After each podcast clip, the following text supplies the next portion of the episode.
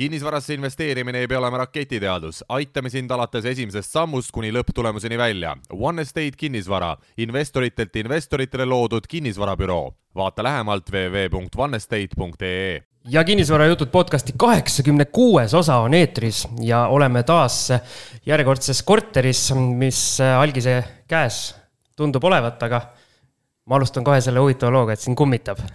ei, siin ei kummita, sellel majal on oma üks oma väike ajalugu taga, aga sellest me praegu siin ei räägi. tere minu poolt ka kõigepealt, jah. Äh, algis siin kummitab.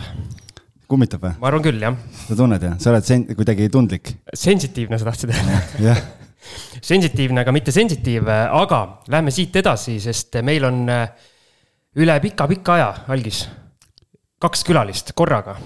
meil ongi ühe korra vist olnud varem. oled kindel? tervitused Äh, noortele Tartusse, Tristan äh, käis oma äh, tüdrukuga külas meil. algisel ei ole ette valmistatud, nimesid ei mäleta. nime praegu väga vabandan, aga, aga ma ei tea, et me rohkem nagu paaridena oleks käinud. vist ei ole jah, nii et, nii et teine, teine selline juhus, kus neli inimest korraga on mikrofonide taga ja meil on siis külas, nagu nad iseennast nimetavad, kriimsilmad Keilast, Piret ja Vahur Suvi. tervist. tere. tere. aga hakkame siis kohe algusest minema, et aga alustame sellele nii-öelda lihtsa küsimusega, et äh, mida te igapäevaselt teete? noh, sellepärast me kriimsilmad olemegi, et me teeme paljusid asju, ma arvan, et kahe peale kokku tuleb üheksa asja küll ja nagu sellepärast me ennast Hunt Kriimsilmadeks nimetamegi, et üheksa ametit, kümnes nälg ei ole. mis need üheksa on, äkki avate kaarte ka vähe? Äh, minu igapäevane töö on teha kingitusi et ma, meil on, meil on mitu e-poodi, aga üks nendest on kingituste e-pood, et äh, trükin, tikin, pressin, noh, mida iganes, inimene tahab kingitust, siis tema annab mulle idee ja mina teen asja valmis. Siis äh.... ma kohe segan siia vahele, et me oleme Siimuga kõrvust tõstetud, sellepärast et, et meil on täna esimest korda külalised stuudios, kes tõid kingituse, nii et, et siin on kohe, kohe siin need sõnad ja teod käivad koos. aitäh et me veel kotti avame, pärast vaatame üllatused. siis, kui, siis kui saade on tehtud. ma küll lootsin, et teete varem, et noh, see on nagu meile soodsam, aga. aga me teeme siis pausi ajal. jah, siis vaatame, siis ja. pärast kohe vaatame üle, mis seal on. noh, Vahur võib rääkida oma tegemistest ise. noh, Piret tegeleb äh, netikingi poolega, mis on meil see e-pood, kus me siis valmistame trükiseid minu põhiosa nii-öelda selles ettevõttes, mis meil toob siis nii-öelda nagu see leiva lauale, on tegelikult Miia kakskümmend neli e-pood, kus on igasugused ilu- ja tervisetooted, mida nii-öelda müüme. on meil väikene pisikene poodsalong äh, Keilas, siis on siin nii-öelda neid äh, kinnisvarainvesteeringuid, üks ettevõte, või tegelikult kaks ettevõtet, mis tegelevad kinnisvaraga äh, lisaks sellele tegelen mina igasuguste nii-öelda olen paberitega energiaaudiitor ja tegelen siis äh, igasuguste tehniliste hindamiste, energiamärgiste väljastamistega. samamoodi olen siin koolitanud ka kinnisvarahaldureid kuskil koolide juures, et nii-öelda kuidas mingisuguseid asju, mida nagu vaadata, et noh, igasuguste asjadega kokku puutunud, et.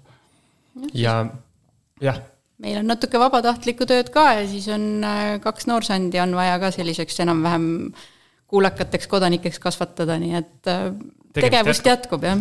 super ja ma arvan, meie keskendume siin selle saate jooksul selle kinnisvara osa juurde, aga seal investeerimismaailmas me siin algisega saime väikese nii-öelda memo teie käest ette, et meie natukene teame, aga kuulajatele hoiame põnevust ja proovime siis küsimuste vormis äh, kõik need äh, nii-öelda saladusteni jõuda ja alustame siis, kuidas te üldse investeerimismaailma kui sellisesse jõudsite noh, siis tuleb minna aastasse kaks tuhat neliteist ja sinna kevadesse.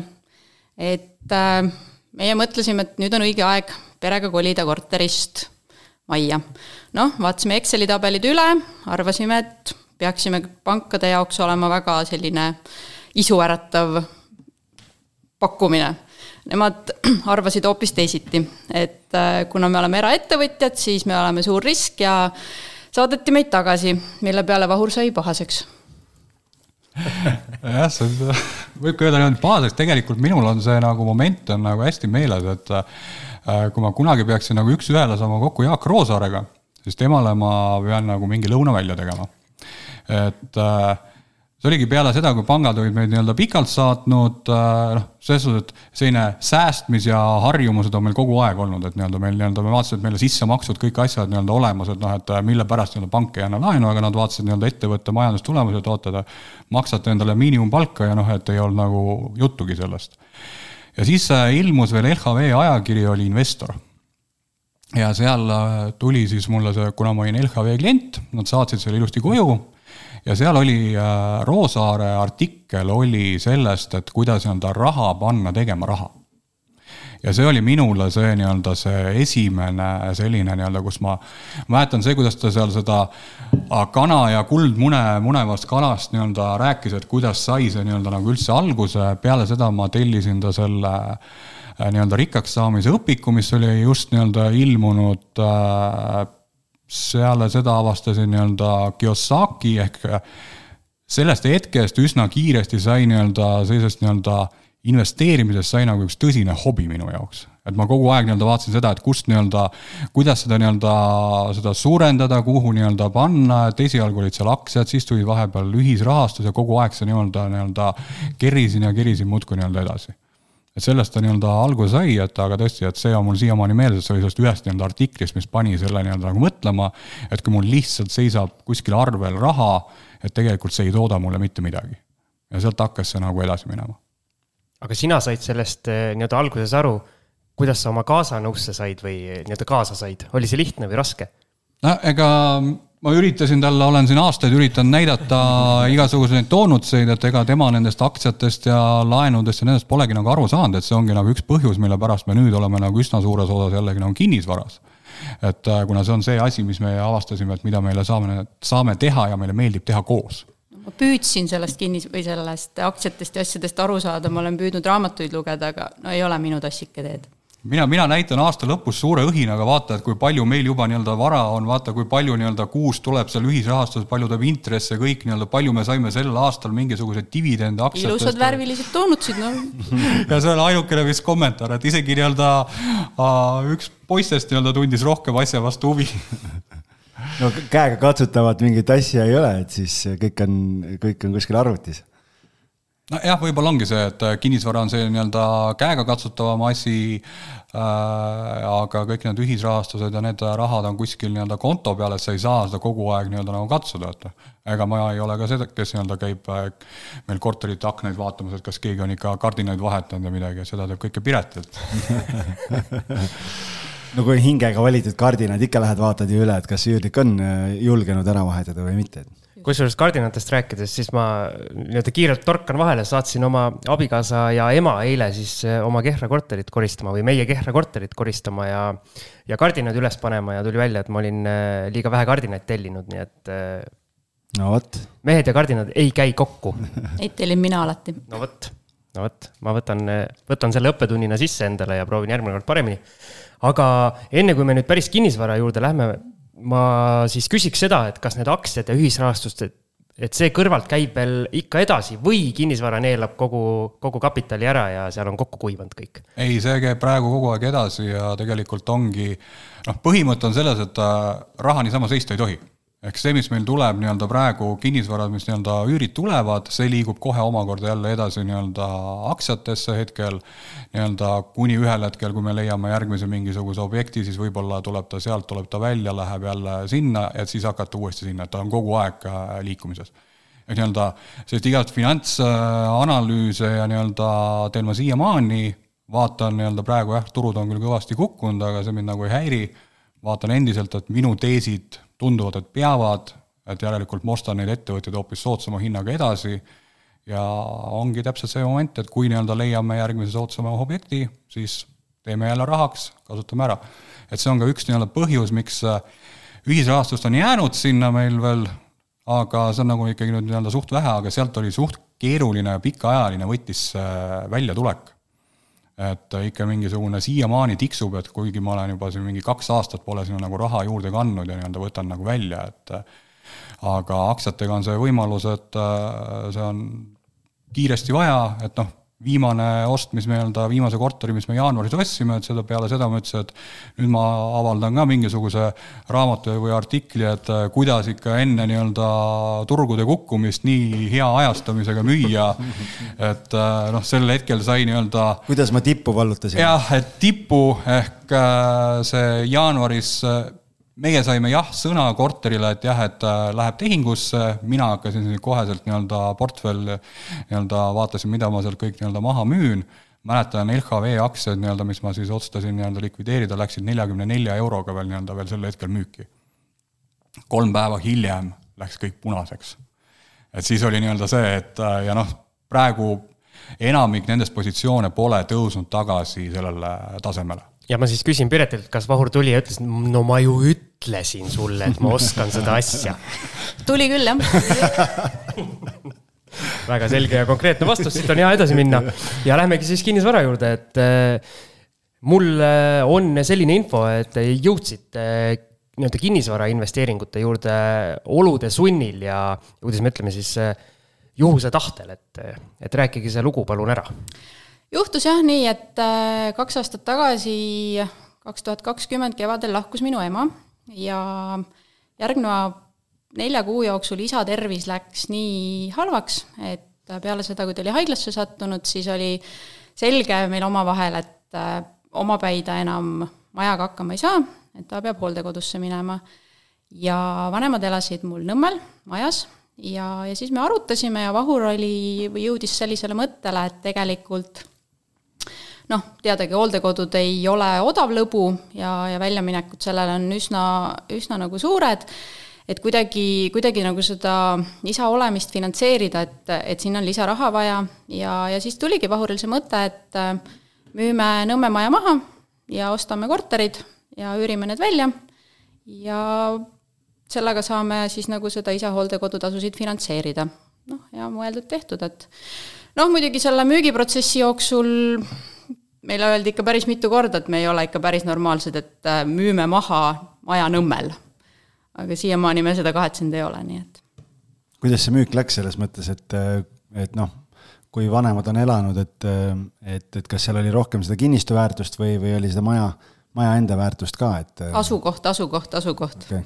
see maja läks täiesti lammutamiseta, ta tegelikult oli üsna viletsas olukorras, et aga kuna selline rikas miljonär, äh, kelle aktsiaid mul ka on, äh, ostab sinna nii-öelda piirkonda oma suguvõsale nii-öelda maid kokku, siis nemad olid äh, huvitatud selle nii-öelda krundist, sest nende üks nii-öelda oli kõrvalkrundi juba ära ostnud ja tahtis sinna igavest suurt lahmakat maja peale ehitada ja tegelikult nende jaoks oli see väärtus, et nad said selle oma krundi veel suuremaks. saite siis, panite kuldkalakese koefitsiendi juurde sinna hinnale noh, sellega oli ka seal nii-öelda, eks ta kauplemist oli, et kui alguses suure suuga lubati, et äh, kümme protsenti hindamisaktile juurde, noh siis äh, kui hindamisakt tuli äh, ja meie ütlesime nagu selle hinna, et nii nagu kokku leppisime, siis oli teisel poolel seal hakkas alguses nii-öelda mökk-mökk, et ta nagu ei olnud selles nagu vaimustuses.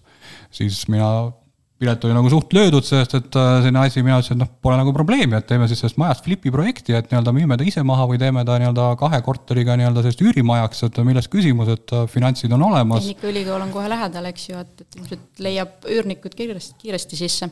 ja lasingi Piretil vastata sellele teisele osapoolele, et ei, see on meie hind, meie sealt alla ei tule, et sorry, vajan, et me läheme siis ise nagu edasi ja palju seal aega läks, kui tuli nii-öelda see SMS? mõned päevad, jah siis läks tehingusse. noh, kui on motiveeritud müüa, siis, siis see on niisugune hea jackpot, et, et saab natukene survestada. aga miks äh, te nüüd nii-öelda kinnisvarasse suuremalt sisse olete läinud, et miks see varaklass rohkem köidab, ma saan aru, üks, äh, üks vastus käis meil saate alguses ära ka, et te saate seda koos teha, aga kas on veel midagi? rahavoog, et kuna ma olen kõikides investeeringutes, on äh, minu põhiline nii-öelda äh, huvi on alati nii-öelda rahavoog, et äh, see peab tootma kogu aeg nii-öelda raha. ja selliseid nii-öelda ka kasvuaktsiaid on mul tegelikult ikkagi suht vähe, millele mina nagu panustan, mina vaatan alati seda, et milline on dividendi tootlus, milline on äh, see, et kui palju ta toodab mulle raha ja kinnisvara annab selle võimaluse ja me saame ka ise seal sellega mängida, seda nii-öelda äh, mõjutada, et me saame seal seda rahavoogu nii-öelda tekitada et äh, see, kui palju meie nende korterite väärtused mis me nüüd siin kahe aastaga oleme nagu kokku ostnud, nii-öelda tõusnud on, see tegelikult nii-öelda väga isegi ei huvita aga see, et nad äh, toodavad meile kogu aeg sellist normaalse protsendiga nii-öelda ikkagi nii-öelda sissetulekut, see on nagu oluliselt nii-öelda parem ja kuna meil finantsiliselt on juba võimalik, et me saame teha selliseid suuremaid tehinguid, siis nii-öelda see on see üks võimalus, äh, kuidas saada jällegi suuremat rahavoogu. et see on põhiline nii-öelda põhjus olnud asi on lisaks käegakatsutav, mitte need värvilised toonud siit ja seal saab kardinaid riputada. ja seal saab kardinaid riputada ka, jah. aga kui me nüüd tuleme tänapäeva korraks hüppame, et kui suur see portfell teil praegu on? ja mitu korterit selle maja eest sai, rääkige see ka ära. maja eest sai kolm korterit. aga kortereid hetkel meil on kuus kuus on nii-öelda, mis on täiesti meie oma, tegelikult seitsmes on veel meil siin äh, nagu, võtame seda nagu halduses on äh, selline nii-öelda ema korter Mustamäel ka, et tema tegelikult elab veel Kohtla-Järvel üldse. et võib-olla ta tuleb siia nii-öelda Tallinnasse, samas mina ütlesin, et äh, ei ole nagu mõtet, et pigem äh, vaatame ühel hetkel talle kuskil meile lähemale nii-öelda mingi elamise ja saab sealt nii-öelda neid tulusid kasutada omakorda nii-öelda elamiseks, et ehk nii-öelda ütleme kuus korterit, aga nii-öelda üks on nagu halduses siis veel, et ja need kuus korterit on kõik Keilas, ma saan aru? Ja millised korterid need on, kas need on, ütleme siis nii, et kas teil on mingi kindel šabloon, mille järgi te ostate või need on seinast seina ühe no, kuni kolmetoalised ja mis tundub, iganes? tundub, et me ostame ühte tänavat Keilas kokku nagu Monopoli mängus. et siis saab hotelli lõpuks peale ehitada kuidagi on sattunud niimoodi jah, et tegelikult äh, neli.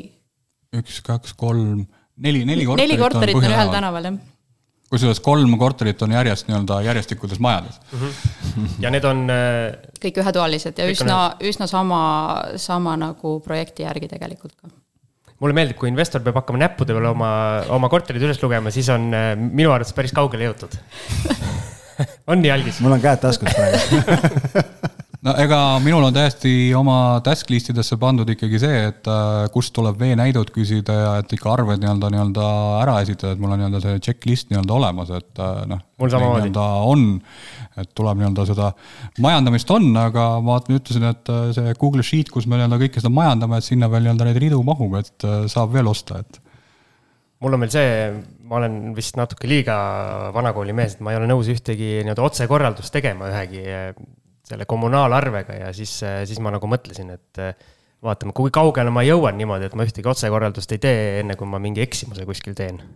seni veel pole teinud, suurt eksimust, väikseid olen. kaardi, kui kardinad välja arvata? ja ma olen mingi, mingi asju teinud, kus mu kallis eh, abikaasa raamatupidamist tehes eh, hakkab pahandama mu peale, et kuskil on mingid arved valesti aga miks just Keila, et see on see kodu lähedus, et mugav hallata või, või kodu, kodu lähedus, äh, me oleme seda turgu nüüd nii-öelda jälginud ja tegelikult me jälgime kõik äh, nii-öelda Keila turgu samamoodi nii-öelda, nüüd me, soov oleks võib-olla Keilast nii-öelda, Keila lähiümbruses samamoodi nii-öelda vaadata, et see on kõik nii-öelda koputajad, kõik asjad on meil peal. et me jälgime seal nii müügikuulutusi kui ka üürikuulutusi. kui Siim hakkab Vaidast sõitma, siis teie olete juba bronni peale pannud Keilas korterile? ma ühe sain kätte, ma saan aru, see oli, see oli ka meie tänastel külalistel silmapiiril, aga hüljati ära kohalikud tunnevad siin turgu ikka, midagi ei ole öelda no kõige esimese korteri me ostsime suisalausa samasse majja, kus me ise elame.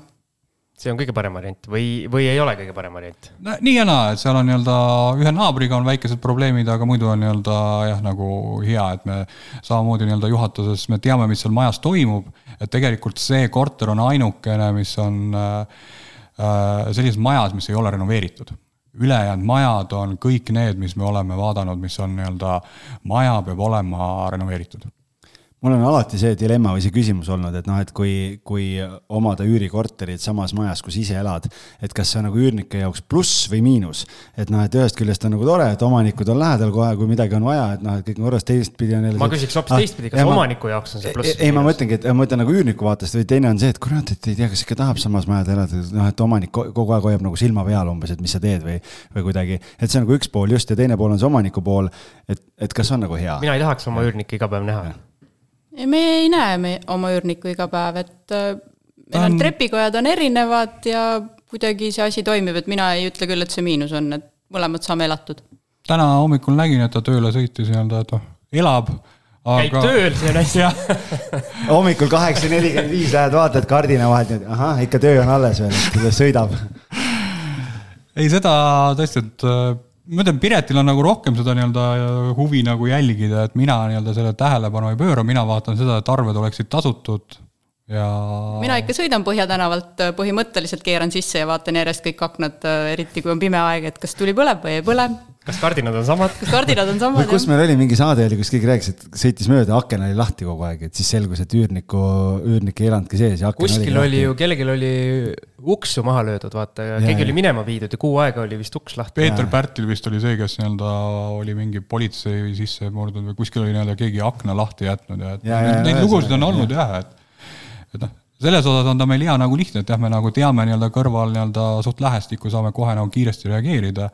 samal ajal need hirmujutud, et sa pead käima nii-öelda mingi vetsupumbaga kogu aeg äh, kuskil nii-öelda parandamas, et äh, noh, seda ei ole, et äh, tegelikult me ei ole mitte üheski, no selles ära nüüd ära sõnu eks millalgi midagi ikka nagu tuleb, on ju, et noh, et aga kõige rohkem probleem oligi selle kõige esimese korteriga, mis on see vasikas aia taha, on ju, sealsamas majas, et aga see oli hea lihtne kõrval neid kohe nagu lahendada, et aga jooksime käima ja korras, et. ma just mõtlen, et kui üürnik teab, et te elate nii-öelda kõrval trepikojas ja ma ei tea, läheb näiteks pirn läbi ei viitsi ise, mõtlevad, et äh, oo, et kutsume omanikku, las keerab selle uue pirni sisse ja sihukest asja ei ole. meil on vedanud praegu, et temaga küll, pirni me pole tema korteris küll vahetamas käinud. noh, kellelgi ei ole pidanud nagu vahetama, et nagu pirni vahetus on, kui üürnik ei tule sellega toime, siis. siis peab äh, üürnikku vahetama, mitte pirni, jah? jah, et siis on nagu see, et äh, väga tore, et äh, mina sulle seda võib-olla vahetama ei tule, ma saadan töömehe, aga sa pead selle kinni maksma, et see on nii-öelda ikkagi tavapärane. nii-öelda selline korteri oma kodusse vahetaksid selle ka ise. küsimus on teine, kui oleks mingisugune nii-öelda asi midagi katki või midagi, et noh, siis sellele me nagu reageeriksime, et nii-öelda nii nagu selles äh, Kalevi korteris oli, et kui see pliit nii-öelda kohe esimesel päeval nagu õhtule läks, et ikka hea soolaleiva-kink, et tule kolli sisse ja hakkame kohe pliiti vahetama. No, Algis, nii, nii oligi, jah. algis suure kogemuse pealt, et äh, kui palju on selliseid üürnikke, kes, äh, ma ei tea, kutsuvad pirni vahetama või või midagi sellist täiesti no, minimaalset. siin Ken ilmselt oskaks rohkem rääkida, aga me, ma ei tea, noh, me ikka jagame selliseid markantsemaid lugusid, aga, aga sellist ma ei ole päris nagu kuulnud, et meil nagu nii abituid üürnikke oleks, et ma olen head tööd teinud. aga, aga küll just hiljuti oli üks selline lugu, kus äh, üks äh, tumedanahaline äh, naisterahvas siis kolis, kolis sisse, ta noh, ta ei ole värskelt Eestisse tulnud, aga juba aastaid elanud ja ja, ja lihtsalt pidi kodu vahetama ja siis läheb mingi ma ei tea, nädal või midagi oli mööda läinud sissekolimisest ja, ja siis helistab ja kurdab, et pesumasin ei tööta ja noh, Ken sõitis kohe kohale siis onju.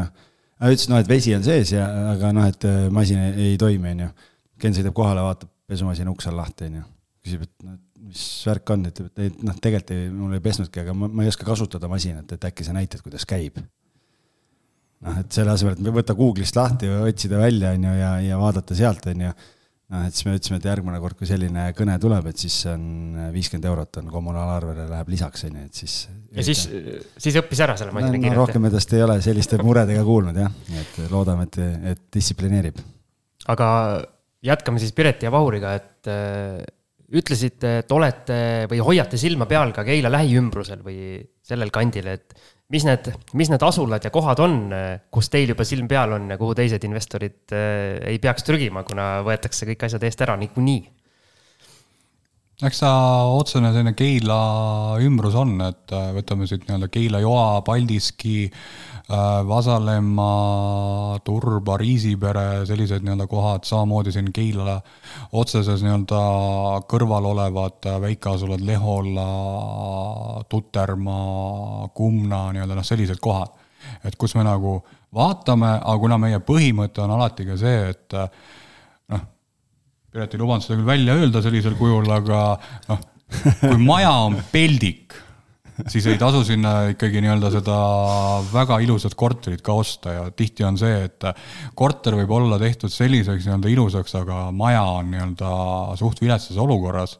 ja kuna ma tean äh, ikkagi selle energiaaudiitori tööna ja selle tehnilise selle, kui raske on nii-öelda väikestel ühistutel seda nii-öelda maja korda teha, siis me seda, me ei lähe neid asju nii-öelda vaatama ja pigem vist sellistes väiksemates asulates äh, ei olegi suudetud neid majasid äh, sellisesse korda teha, mis, äh, mis teid siis rahuldab, ei, me oleme käinud vaatamas ikkagi. on, on erandeid, on erandeid, et nii-öelda midagi vahest ja leiab, et ka Paldiskis on ikkagi nii-öelda kolm-neli maja, mis on renoveeritud, mida me nii-öelda jälgime, kus seal nii-öelda võiks nii-öelda midagi osta. teistes kohtades ainult kolm-neli maja ongi, ma saan aru ei, nii hull see ka ei ole, et äh, on erinevaid, et noh, see ongi näha nii-öelda ühistu seest, et kas ühistu on suutnud midagi teha, kas ta teeb midagi, et noh, viimane, mis me Turbas käisime vaatamas, et ma nägin juba piltide pealt, et äh, see, seal on küttesüsteem on ära vahetatud, on ju, et noh, siis ma teadsin seda ühistut, ma olin teinud sinna üks või kaks nii-öelda energiaauditit nii-öelda, et seal on nagu selline äh, haldusettevõte või nii-öelda koduturba, mis ta seal on, või ta on nagu suur nagu korteriühistu, kuhu kuulub palju nii-öelda maju. et noh, et need toimetavad, nad teavad, nad nii-öelda üritavad neid maju ikkagi korralikult nii-öelda korda teha, et sellepärast me läksime sinna vaatama, aga taas oli see olukord, et pildid olid pandud nii-öelda mitu aastat vanemad ja see olukord, mis seal sees nagu valitses, ei vastanud üldse olukorrale. ja mina astusin sisse ja kogu selle aja, mis mul seal korteris olin, ainuke mõte oli see, selge ees korterist välja, selge ees korterist välja, selge ees korterist välja. et see on meie nagu erinevus ka, et jah, et see, me toimetame koos, aga Piretile peab tihti asju nii-öelda üritama nii-öelda nagu maha müüa, kui mina näen nii-öelda vahest sellise nii-öelda tõsise rämpsu kuhila all või võin näha nii-öelda potentsiaali, siis temale tuleb seda ikka väga pikalt seletada, et tegelikult seal nagu on midagi. mul on tunne, et Vahur suudab seda okserefleksi kauem lihtsalt tagasi hoida võib-olla ka seda, et äh, ei, ei ole tõesti probleem ka nii-öelda, olen ka oma ema majas nii-öelda igast kanalisatsioonitrasse nii-öelda parandanud ja puhastanud, et äh, ei karda seda tööd. ja korteri kõik äh, fekaaliõnnetused on ka tema ära likvideerinud kuule, aga Siim, sul on ka ju väikestes kohtades kogemust, et mulle vähemalt tundub nii-öelda, kui Assamala nii-öelda poole pealt vaadata seda asja, et tegelikult nende väiksemate kohtade probleem ja nende maja seisukordade probleem on selles, et, et kuna äh, see korteriühistud muutusid ju kohustuslikuks mõned aastad tagasi alles, et enne seda kuidagi nagu maakohtades võib-olla ei ole väga sellist mentaliteeti olnud umbes, et noh, ma ei tea, teeks siin majarahvaga koguks raha ja et hoiaks maja korras ja nii edasi ja noh, et kui sul Tallinnas on see, et noh, ühistud on toiminud ja on kogutud mingeid remondifonde, asju, et võib-olla väikestes kohtades ongi seal ei ole rahval võib-olla seda raha alati, et koguda ja, ja, ja siis, kui ta on seal paar-kolmkümmend aastat juba olnud sellises olukorras, et siis lõpuks, kui seda koguma hakata, siis või, või seal mingit laenu veel hakata peale võtma ja asjad, see tundub kõik nagu, et on rahakoti jaoks võib-olla natuke liiga palju, et ma ei tea, kuidas see teie tunnetus on selle koha pealt, et kas see võib olla see põhjus, miks väga paljud majad on tegemata? ei, ei ole et äh, need korteriühistud on ikkagi nii-öelda sinna aja jooksul äh, üle Eesti on äh, üsna palju nii-öelda moodustatud ja on erinevad ühistud, kes ikkagi nii-öelda üritavad ja soovivad midagi teha, et noh, sellega, seda ma olen samamoodi selle audiitori tööna olen näinud seda, et ka täiesti kuskil Triigi külas, kuskil Lääne-Virumaal, ka seal on nii-öelda äh, maja, kus on üürikortereid. et nii-öelda, et üüriturgu on tegelikult igal pool. et Äh, seda korteriühistute seda soovi nagu on, jah, nende pigem ongi selles asi, et äh, ega selle tellise või nii-öelda soojustuse paikapanek vahet ei ole, kas sa teed seda siin, seda siin äh, Tallinnas või sa teed seda siin kuskil, kus hoopis ma ei tea, Turbas või kus iganes, see hind on ikka üks ja sama aga see inimeste nii-öelda see ostuvõime lihtsalt on natukene teine, et mida kaugemale me Tallinnast nii-öelda läheme. Et ega ma selle audiitori tööna ma tihti nii-öelda ma nendele Tallinna ühistutele isegi väga nii-öelda isegi hinnapakkumisi ei tee, ma pigem otsingi selliseid nii-öelda väikeseid kohti, kus ma saan ise nii-öelda vaadata selliseid nii-öelda, et äh, avastada nii-öelda asulat ennast nii-öelda kuskil mingi Pärnumaa mingi X kohas, kus pole kunagi nagu käinud, aga lähedki vaatad nii-öelda, et noh, mis elu seal toimub. ja mulle tundub, et äh, kui me räägime ikkagi asukoha mõistes sellistest mitte enam kõige parematest väiksematest kohtadest, kui ma nii tohin ennast väljendada, siis, siis on ka ju selliseid maju, kus on korterid tühjad ja, ja selle võrra ühistul on veel keerulisem, et makstakse ju ka nii-öelda tühjasid korterid, et ma arvan, kui me räägime Vasalemmast, mis su jutust ka, Vahur, läbi käis, siis, siis ma usun, et Vasalemmas on selliseid, selliseid maju, mis äh, varsti võib-olla buldooseriga kokku lükatakse.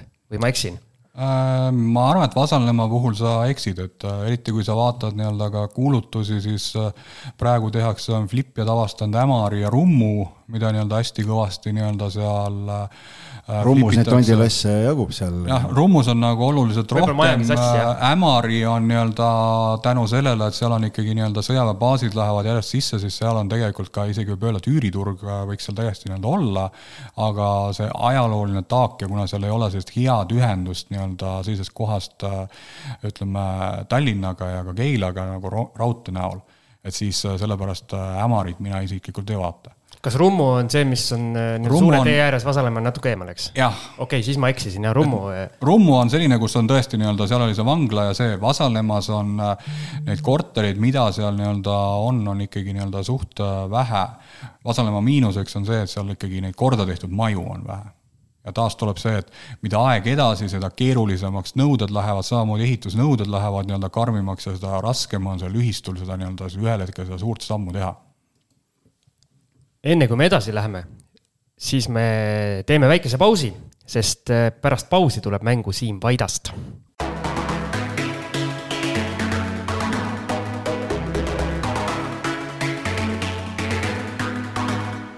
ja oleme pausilt tagasi ja mina kasutasin seda pausiaega selleks, et teha lahti see kinkekotike ja vot, mis sealt välja tuli. põsed õhetavad, põsed õhetavad siin. et äh, ma arvan, et võib-olla. pärast teeme pilti teeme, jaa, kindlasti teeme pilti. meil muidugi alati see pildi tegemine ununeb. seekord algis võtab selle enda peale, nii et kui ei ole pilti, siis teate, kellele kirjutada. jaa, aga räägi ka, mis sa said siis kingiks?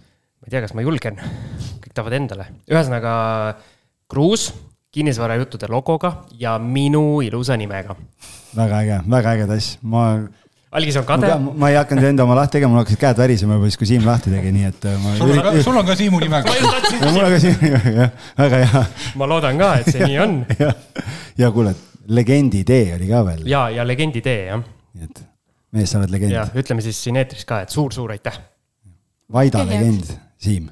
ja, ja nüüd tulebki Siim Vaidast astub, äh, astub areenile, tal käed värisevad aga tema tahaks hakata ka nüüd sisenema sinna Turba, Riisipere, Paldiski, Tutermaa või mis iganes kõik need kohad olid, mis, mis Vahuri jutust läbi käis, et mida ma peaks jälgima enne, kui ma hakkan sinna korterit ostma või üldse vaatama?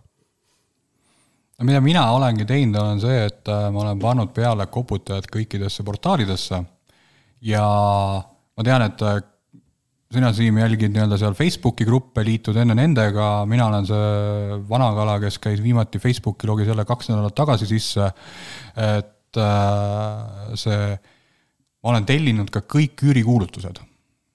ehk ma tean, ma vaatan selle järgi, kui aktiivne on seal üüriturg ja tegelikult äh, mul on see, kasutan Evernote'i nii-öelda lahendus, kus ma kõik need nii-öelda need kuulutused, mis tulevad, kuna näiteks KV-st ja nad kaovad ära või see, siis ma klipin nad sinna nii-öelda ära, et mul jääb ajalugu alles ehk kui ühel hetkel ma kuskil seal sellest piirkonnast leian mingisuguse nii-öelda korteri, siis ma saan juba vaadata, et kui palju seal piirkonnas oli nii-öelda tegelikult neid äh, selliseid nii-öelda üürikuulutusi, milline on see üüritase, ma saan vaadata, kas nad on nagu üldse välja läinud, et sama teeme ka Keila kohta, et jälgime Keila turgu, et me teaksime, et kui järgmine korter või nii-öelda mingi üürniku vahetus või midagi on, et mis üüri üldse nii-öelda küsida.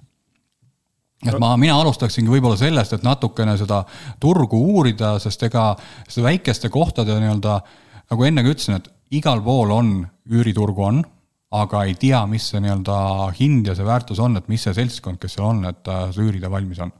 aga ma küsin siis otse, räägime numbritest ka, mis on näiteks Keilas praegu sellise tüüp ühetoalise üürihind? kolmsada ja pluss.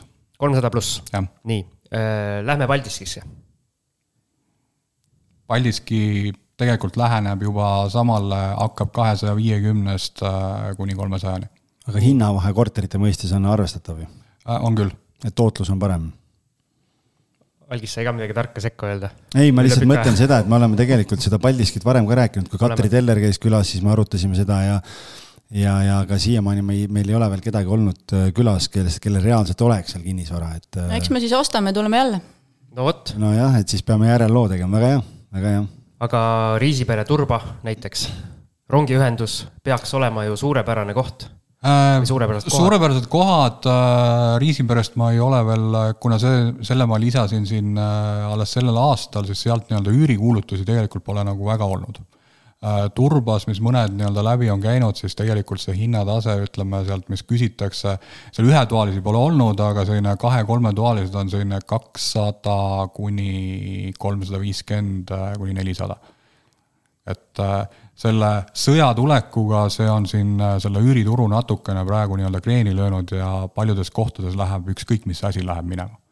et noh, see on ka Paldiski nii-öelda, kus varasemalt oli hästi palju nii-öelda üürikuulutusi, siis praegu on seal nagu oluliselt vähem ja ikka see, mida nagu pakutakse üürile nii-öelda, see kohati on ikka no selline õudus kuubis, et õudne aga Paldiskis hakatakse ju mingit terminali ka veel ehitama, mingi uudis käis läbi, ma ei mäleta, mis, millega seoses see oli et, et Algisi uudiseid ei vaata? ei no ma ise elan ju sealpool ja siis me just oli see küsimus, et, et kuskilt sealt kohalikust grupist käis läbi, et, et, et kui palju suureneb see rekkate eh, sõit veel sealt, et seda mahtu tuleb nagu kõvasti juurde, et et sellega seoses ma ei mäleta, mis terminal see oli, aga see kõik jälle, et kui tuleb mingi, kui see tööstusosa seal veel laieneb noh, siis see tähendab ju lisatööjõudu, jälle lisanõudlust kohe kohalikult. ja see, see on, et see on nii-öelda üks asi, mis ma uudistest olen jälginud, Äripäevas käis millalgi, oligi äh, Äh, see Tallinna Sadama juhatus Valdo Kalmist, kuulasin tema nii-öelda seda juttu kõike, et äh, tegelikult neil on Paldiski sadamaga on suured nii-öelda plaanid ja nad tahavad seda seal veel laiendada, nad ütlesid, et ega seal väga vaba mahtu neil midagi veel on, aga et nad hakkavad seda sadamat veel laiendama, et seda nii-öelda seda potentsiaali seal tegelikult on, et siin on ka varasemalt olnud ju vahepeal, aga tõmbas see nii-öelda koroonakriis tõmbas äh, sellele piduri peale, et siin üks Rootsi nii-öelda tööstus tahtis sinna kas mingi akutehase äh, või nii-öelda rajada ja just äh, pluss oli selles, et ta on lähedal kohe nii-öelda sadamale, et saab nii-öelda hästi nii-öelda liikuda. et selle poole pealt, et kui me nüüd võrdleme, kui oleks sama hinnaga praktiliselt nii-öelda kaks korterit, võtame Riisipere või Turba ja Paldiski, siis on Paldiski kindlasti, mis on nii-öelda meile nagu äh, esmane valik aga kas te siis Keilast kaugemale olete vaadat-, vaadanud seetõttu just, et äh, ma saan aru, need Keila ostuhinnad on ikkagi päris, päris juba kõrgustesse tõusnud ja need väiksemad kohad äh, käivad nagu veidi järel?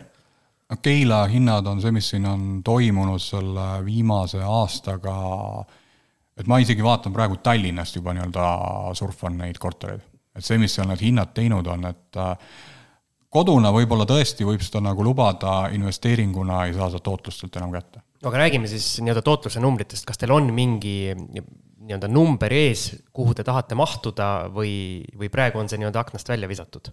mida suurem, seda parem Excelis on ka niimoodi kirjas minu Excelis küll, jah no põhimõte on ikkagi see, et äh, kui see tootlus äh, praegusel hetkel äh, jääb seal nii-öelda netotootlus kuskil alla kuue protsendi juba, siis tasub ikka väga tõsiselt nagu mõelda, kas nagu võtta seda riski või mitte. ja te arvestate siis rahavoo tootlust või rahavoo. mingit kapitali kasvu nii-öelda või seda, seda meie ei arvesta, jah. räägime finantseerimisest ka et äh, Siim alati unustab selle osa ära, sellepärast et äh, tema arvab, et mul on nii palju raha, ma ei tea, kellelgi probleeme see oleks. et äh, kuidas see finantseerimise pool välja näeb, et kui, kui palju te olete üldse kasutanud äh, pangavõimendust ja, ja kui, kuidas pangad üldse sellistesse nii-öelda väiksematesse piirkondadesse suhtuvad täna? Vahur on endiselt pankade peale pahane, noh. endiselt ei ole midagi muutunud seal osas ei, eks muutunud ole, et ega me siin nii-öelda ühel ettevõttel nii-öelda tegelikult oleme ärilaene oleme kasutanud, aga mitte nii-öelda kinnisvara jaoks, et äh, kui see numbrid jooksevad paika, siis loomulikult äh, võib seda kasutada. praegu on minu põhimõte olnud äh, ikkagi siin need korterite puhul, et kuna see maailm on nagu suht ebastabiilne ja ma, mina võtsin selle nagu põhimõtte, et selline reegel, viis-viis reegel, et äh, viieprotsendilise laenuga, viieaastase graafikuga peame saama positiivse rahavoo. ja kuna me sellist asja, sellist objekti pole leidnud, siis ma olen nagu ise nii-öelda finantseerinud. see, ma enam-vähem lasen peast läbi enda need viimase aja probleemid, siis millal viimati selle viis-viis reegli järgi mingi korteri oleks saanud? paar aastat tagasi ilmselt. paar aastat tagasi, jah. oleks saanud? jaa ma usun kindlasti, et oleks nii-öelda saanud aga praegu selles suhtes, et vaadates, mis nii-öelda hindadega ja mis on nagu üürihinnad, et äh, kui sinna seda kapitali kasvu mitte nagu juurde arvestada, mis on täpselt see, et äh, see võib tulla, võib mitte tulla, siis äh, üsna keeruline. ja miks ma olen selle viieaastase graafiku nagu võtnud, et ärilaenud tavaliselt antakse viieaastase graafik või nii-öelda, sa võid saada kümne või viieteistaastase graafikuga, aga iga viie aasta tagant vaadatakse tingimused üle. viis protsenti, sellepärast et äh, selline ärilaenu keskmine kinnisvara tagatisel äh, protsent ongi seal kolm protsenti nii-öelda pluss Euribor. ja Euribor võib meil ikkagi siin väga tõenäoliselt, äh, see miinustes Euribor ei ole nii-öelda normaalne ja kõigi eelduste kohaselt paari aastaga ta tõuseb ikkagi nii-öelda juba seal vähemalt paari protsendi peale. aga ma küsin sellise asja, et kui sul on selline hästi konkreetne reegel paika pandud, et kui nüüd Excelis natukene näiteks üle läheb või natuke punaseks läheb või mis iganes äh, sul need lipukesed on, mis püsti tulevad, et, et kas see on ei või, või sa kuidagi suudad oma sellest reeglist no, veidi mööda ka vaadata, kui sa vaatad, et noh, et kõik muu nagu klapib. kui ta, kui ta on nagu ikkagi väga piiri peal ja muud asjad nii-öelda klapivad, siis ma arvan, et olen valmis selle nii-öelda riski võtma siis on, siis on nii-öelda vastaspoolele samamoodi, et mis tema nii-öelda sellest objektist nii-öelda arvab, et noh, et äh, ega see on nagu selline rusikareegel, aga sellest võib alati nii-öelda ka kõrvalt mööda minna ja ega see, et äh, ühel hetkel ikkagi pankade võimendust nagu juurde võtta, kui portfell on juba ka suurem, siis äh, üldse ei välista. et võib-olla ongi plaan, et kui me ise oma korterist nii-öelda ühel hetkel nagu loobuda tahame, et seal nii-öelda seda kasutada nagu panka, et osta ettevõttena osta nii-öelda meilt endalt oma korter ära, see tagasi lahku ehitada, saada sealt kaks üürikorterit juurde. Minul on äh, investorina, ma olen avastanud selline halb omadus, et kui ma endale mingi reegli panen ja siis ma ei suuda sellest nagu lahti öelda või, või kui mingi asi on piiri peal ja natukene sellest nii-öelda kehvem sellest reeglist seatud piirist, siis minu jaoks on see ikkagi ei eriti hästi tuli see aktsiatega välja, kui oli mingi müügi või, müügi või ostuhetk, siis see null koma null üks eh, eurot oli ka ülioluline hinnavahemik, mis siis, et lõppkokkuvõttes vahe oli, ma ei tea, kogu paki peale võib-olla viis eurot, aga jäigi ostmata või jäigi müümata. Noh, minul on teine põhimõte tavaliselt aktsiate ja selle ostuga on pigem see, et äh, ma teen nii-öelda äh, kuu lõikes mingisuguse summa eest teen oste ja kui see nii-öelda piirmäär on täis, siis ma istun nii-öelda ülejäänud selle rahaga istungi nii-öelda, nii-öelda kätele, et noh, ma ei tea, mis seal nagu tuleb, kui aktsia, mis mina olen nagu välja valinud, minu nii-öelda teesid, et see peaks nagu töötama, seega ma seda hinda väga ei vaata. et noh, praegu üks aktsia, mida ma nii-öelda olen siin hakanud selle aastast nii-öelda ostma, on äh, Google'i oma ja noh, sellega see on päris kõvasti nii-öelda siin nüüd kukkunud ka, on ju, aga sellegipoolest siin oleks võinud juba osta siin millal jälle nii-öelda siin kuu keskel, aga kuna ma olin selle kuu ostu juba ära teinud, siis ma tegelikult ootan järgmise kuu algust, et siis jälle nii-öelda osta. ma ei tea, mis hind siis teeb. aga mul on nagu see põhimõte, et ma seal nagu sellest hinnast nagu ei lähtu, ma olen vaadanud oma nii-öelda finantsfundamentaalnäitajad, olen selle ettevõttel nagu läbi vaadanud, ma olen seda võrrelnud siin Tesla, Amazonide kõigega ja mina leian, et sellel hetke ettevõttel on endiselt väga suur potentsiaal ja järelikult ma ostan teda regulaarselt lihtsalt juurde ma tahtsin siia remargina öelda, et ma ei ole magama jäänud vahepeal või kuskile ära läinud, et, et mina siin samal ajal, kui mehed aktsiatest räägivad, ähm, kaevasin natuke Keila kinnisvaraturgu sisse, eriti üüriturgu just ja vaatasin, mis seal siis nagu toimub praegu, et noh, kui Siim enne hindade kohta küsis, siis, siis ma praegu vaatan, et Keilas on üldse kokku ainult üheksa üüripakkumist. ja need, seal on kahetoalisi, on, on neli tükki, kaheseid on kaks kaks ja kolmeseid on. sa ütlesid kaks korda kahetoalised? kahetoalisi on neli, ühetoalisi on kaks ja kolmeseid on kolm. okei okay. ja ma vaatan, et. ma pärast kuulan üle, kas mul oli. kõige odavamad on nelisada ühetoalised praegu, kahetoalised ah,, üks ühetoaline, ma ei tea, Jaama tänav on mingi tä täiesti ära renoveeritud mingi hoone nüüd või, või ma ei tea, aga seal on mingid siuksed väga fancy'd äh, korterid see on vana tehasehoone, mis on korteriteks tehtud. kolmekümne ruudune on kuuesajaga ja kaheksakümne kahe ruudune on tuhande kahesaja viiekümnega, nii et juba sihuke Tallinna, Tallinna hind. ja ega need ühetoalised ka tegelikult, et kui võtad ikkagi, et on, on äh, siin kahekümne kolme ruudune on neljasajaga, siis see on juba ka sihuke Tallinna, Tallinna. ma arvan, et see on ka üks mõni uus maja Keilas, kus. see on Allika kaheksa renoveeritud maja. see on renoveeritud, jah. et noh, see on see, et kuna me ise seal nii-öelda elame, siis äh, näiteks me nägime, kuidas äh, vahepeal Allika tänava majadest tuli hästi palju, tuli nii-öelda nii müügi kui ka üürikuulutusi. ja see miin-, oligi see, et need majad olid vast renoveeritud. ja taas üks asi, mis mina tean nii-öelda energiaaudiitorina, ehk kui mingi maja on alles renoveeritud, siis on tegelikult äh, esimene aasta võivad need kulud hüpata seal väga seinast seina. Et selle süsteemide, eriti ventilatsioonisüsteemide ja küttesüsteemide korraga nii-öelda tööle panek, et see on nagu ikka selline paras nii-öelda teadustöö ja kui sellega midagi mööda pannakse, siis tegelikult maksavad kõik need maja nii-öelda elanikud kinni ja sealt oli näha, kuidas üürnikud olid nii-öelda ära läinud ja samamoodi nii-öelda, et pandi ka nii-öelda korterid nii-öelda müüki.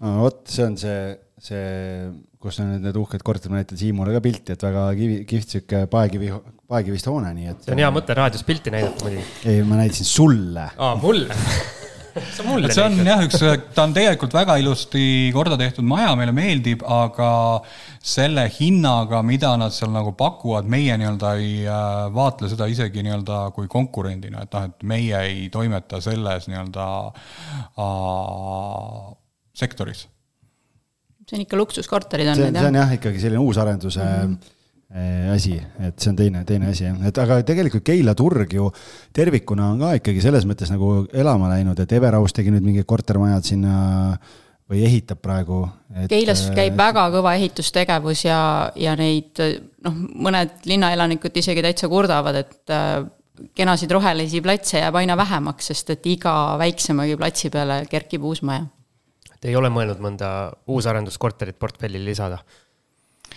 ei. Lähme edasi. ilmselt siis mitte vastus lühike ja konkreetne. on põhjus ka äh,? taas ma olen oma tööga olen äh, üsna palju kokku puutunud äh, igasuguste ehituspraakidega, see nii-öelda need lubadused tihti, mis nii-öelda nendes korterites on, on teine küsimus. praegu, kui me vaatame neid Keila nii-öelda arendajaid, siis äh, see, mis äh, ÜIT, äh, mis seal arendab, et noh, seal on nagu suurem nii-öelda ettevõte taga, aga kui me vaatame, mis seal Everaus, mis seal tehakse seal Jaama tänaval nii-öelda arendus käib, sisuliselt ettevõtted kogu aeg kaasavad estate kurust kaasavad raha. et noh, samal ajal minu jaoks on see nagu suur nii-öelda küsimärk, et aga mis siis juhtub, kui nad ei saagi seda valmis? ja noh, minule isiklikult päris uus selline kips nii-öelda tondiloss ei meeldi ka, et aga selle Keila arenduse sellega ongi nii-öelda, et see pikemaajalisem plaan, mis meil on, et äh, kuna meie näeme, et Mustamägi kolib meile järjest lähemale, et tuleb sinna nagu järgi, sest ta järjest rohkem ja rohkem sarnaneb nii-öelda Mustamäele, siis äh, meie oleme juba arvestanud, et ikkagi mingisugune viie aasta pärast äkki läheks Keilast ise minema tegelikult selles mõttes see uusarenduse tulek on ju hea, et nagu me enne rääkisime, et arvestate oma tootlust puhtalt rahava baasil ja te väärtuskasvu nagu juurde ei arvesta, siis tegelikult kui, kui mingis piirkonnas uusarendusi hakatakse tegema, siis see, siis see ju elavdab kogu piirkonna väärtuskasvu ka. et, et nii-öelda uusarenduste kallima hinna tuules reeglina ka nii-öelda järelturu korterid tõusevad, nii et selles mõttes seal on mõnus selline sinu jaoks väikesed donutid on seal peidus, et mida sa täna veel ei näe, on ju. nii et, et kunagi võib-olla, kui, kui realiseerimiseks läheb, et siis, siis tuleb päris mõnus selline boonus mäletan ma õigesti, et Keilas tehti mingi eh, uusarendusmaja mingi, mingi aeg tagasi, mis läks totaalselt alla vett kuidagi. Te ei tea midagi? päikesemaja. jah, just, just. oli. ta totaalselt alla vett ei läinud, aga. seal oli mingi probleem, et äh, oligi see, et arendaja läks pankrotti ja neil oli nagu probleem, et saada üldse nii-öelda sinna seda kasutusluba, kogu see dokumentatsiooni, sellega neil oli nii-öelda äh,, läksidki kohtusse lõpuks. Ma tean, et ma tegin ise selle, maja iseenesest e-, ehitati hästi, et äh, ta vastas isegi A-klassi majale, sest ma tegin neile nii-öelda korduva energiamärgise ka nii-öelda väljastasin, et see saigi A-klassi maja ikkagi. Et tänu sellele, et neil on maasoojuspumbad seal ja see päikesepaneelid ja kogu see lahendus, aga arendajal ei pidanud see äriplaan ei pidanud paika ma midagi Äripäevast mäletan, kas seal ei olnud midagi? suur skandaal oli seal ikkagi ja. kohe see, seal oli, nad läksid sellega kohtusse, sest just nii-öelda ühistusest äh, neil tekkisid seal äh, nende äh, inimestel tekkisidki selle, et kuna ei olnud kasutusluba, siis nad ei saanud, neil tekkisid omakorda pankadega nii-öelda probleemid ja mis seal nagu tuli, et ma väga täpselt seda nii-öelda hingeelu ei tea, aga seda nii-öelda maja, seda päikesemaja, seda ma nii-öelda olen kuulnud, jah. aga kas praegu on nii-öelda okei okay., ma siin puhtalt enda uudishimust küsin, kuna seal vahepeal müüdi ühte korterit ja mul oli kuidagi need Äripäeva artiklid olid meeles ja siis ei vaadanud edasi. ei, sa ei julge, sa ei julgenud kuulutust avada? Jah. ei, tal on nüüd nii-öelda kasutusload, kõik asjad on nagu korras, aga saad seda ise ju alati kontrollida. ega mina samamoodi, mingisugune objekt on, kui ma hakkan selle kohta nagu rohkem nii-öelda kaevama, siis ma vaatan nii-öelda ikkagi nii-öelda ehitusregistrist asjad nii-öelda järgi, millal mingisugused äh, renoveerimistööd, mingid asjad tehtud on, et et äh, registrid on avalikud, sealt on võimalik isegi projektid, asjad alla tõmmata, pead võib-olla ainult sisse logima sinna Smart-ID või ID-kaardiga ja saad kõik asjad kätte on teil kõik äh, korterid keskküttega või on teil mõni ahiküte või midagi muud huvitavat? ei, kõik on keskküttega. ja see on ka nii-öelda kindel, kindel plaan ja, ja suund? ei ole. lihtsalt on läinud kuidagi need, mis me oleme ostnud, on, on keskküttega majades. noh, sa võid rääkida sellest kõrvalmaja nii-öelda sellest, et see oleks olnud ahjuküttega, kus me selle pakkumise tegime jah, meil kontori kõrval tuli üks äh, müüki, üks korter, Vahuril oli siis küll äh, ostlemise keeld peal just. Aga me läksime seda sellepärast vaatama, et ma olin unes näinud, et me läheme sinna ühte korterit, mis on müügis vaatama, noh siis kui unes on nähtud, siis tuleb minna. ja aga seal äh, oli see huvi lõpuks nii suur, sest hind oli päris mõistlik, et noh, oligi see, et selle raha eest, mis pandi müüki, enam lõpuks ei müüdud no see kogu see müügiprotsess, et ta, ta oli nagu pärandkorter, mis oli seal mingisugune suguvõsa nagu kätte jäänud, et kui sa nagu ütled, et jah, me oleme huvitatud, me tahaks nagu tehingusse minna ja ainukene vastus, mis sealt tuleb, et me ei pane mitte mingisugust broneeringut, raha peab teil olemas olema, nii-öelda, et selline nii-öelda jutt, ma ütlesin, et raha on olemas, ei ole nagu probleemi, et teeme nii-öelda tehingu ära ja peale seda Piret nägigi, et nii-öelda näitab nii-öelda noh, kõrval majas on ju, et äh, näitas edasi veel nii-öelda järgmine päev ja muudkui ka näitas nagu edasi, et kui mina nagu küsin, et kuulge, me ütlesime teile jah sõna, et hakkame nagu notarit asja panema, et ja siis tuli nagu vastus, et ei, et ikka selle hinnaga nüüd enam ei müü, et. Meil on neid lugusid küll veel, et, et kus on tulnud müüki ja, ja siis, kui võtad ühendust just Keila lehe kaudu loed midagi, et üks oli mingi Flipi projekti mõte, oli kolmkümmend kuus tuhat, aga see vist oli ka peaaegu juba poolteist aastat tagasi ja ja siis, kui Vahur lõpuks omaniku kätte sai, siis äh, siis ta ütles, et ei, selle raha eest ma küll enam ei müü, sest huvi on nii suur väga hea, et te Flipi sisse tõite siia, et me oleme siiamaani üürikorteritest rääkinud, et olete Flippe ka teinud või? ei ole, aga, aga on nagu mõttes olnud paar, paar korda et seesama nii-öelda korter, mis seal see kõrvalmajas oligi, et oligi, et noh, et me tegime enda jaoks juba kiire nii-öelda kalkulatsiooni selle flipi jaoks ära, aga sealt mina vaatasin kohe nii-öelda elektrikilbi, võtsin lahti, vaatasin, et äh, okei okay,, meil on ahjuküttega korter, see tähendab seda, et sellises majas tuleks panna, et äh, mugavus või nagu oleks, tuleks panema kindlasti nagu õhksoojuspumba, äh, see elektriboiler, mis seal oli, ja siis ma vaatan, et meil on elektriliitumine on kümme amprit üks faasi, on ju. et noh, iseenesest probleemi ei olnud, kuna ta oli nelisada, vähem kui nelisada meetrit oli alajaamast, äh, aga see oli ikkagi mingisugune kaks pool tuhat nii-öelda, et ütleme, ampraaži tõstmine. et nii-öelda, kui see omanik seal mulle kirjutaski vastu, et ei, et nüüd selle hinnaga ikkagi ei lähe, siis mina kirjutasingi, et sorry, et meie ülespoole ei tule, et kui ainult, ainuüksi juba selline nii-öelda tegevus, mis ka võtab omakorda nii-öelda aega, maksab juba nii-öelda mingi kaks pool tuhat, on ju, et noh, et see lõpuks ei oleks see asi nii-öelda ikkagi numbrites nagu kokku jooksnud aga kui palju te siis olete objektidest ilma jäänud, et äh, tahate osta, raha on olemas, äh, kõik plaanid on tehtud, aga lõpuks ei saa kätte? Neid on rohkem pigem nii-öelda isiklikul tasandil olnud, et et ei jõua omavahel kokkuleppele? ei, see, mida oleme nagu tahtnud rohkem peal. nagu endale osta, et äh, nii-öelda nendega on nagu rohkem olnud, et et ega see üks Allika tänava korter oli, kus tegelikult maakler tegelikult meile jäi mulje, et maakler mängis vahepeal natukene, et oma, oma tulu suuremaks saada, et see oli niisugune lõpuks oli siin nii halb maitse juures, et meie ütlesime, et ei, tõstsime käed üles, et kas see on see boonusosa materjal? ei, see ei ole see boonusosa ah, materjal. Teil on nii palju lugusid boonusosas siin pidi tulema igasugu põnevaid lugusid, nii et äh, Siim, ma küsin täna sinu käest. kust meie kuulajad saavad äh, boonusosa ma ei tea, ma küsin alati sinu käest. Patreon.com kaldkriips kinnisvarajutud on ära. siis see koht, kus, kus saab kuulata meie, saab meid toetada ja, ja boonusosasid kuulata. aga üks meie korteritest jõudis alguses niimoodi, et jäime ilma, aga siis ikkagi saime.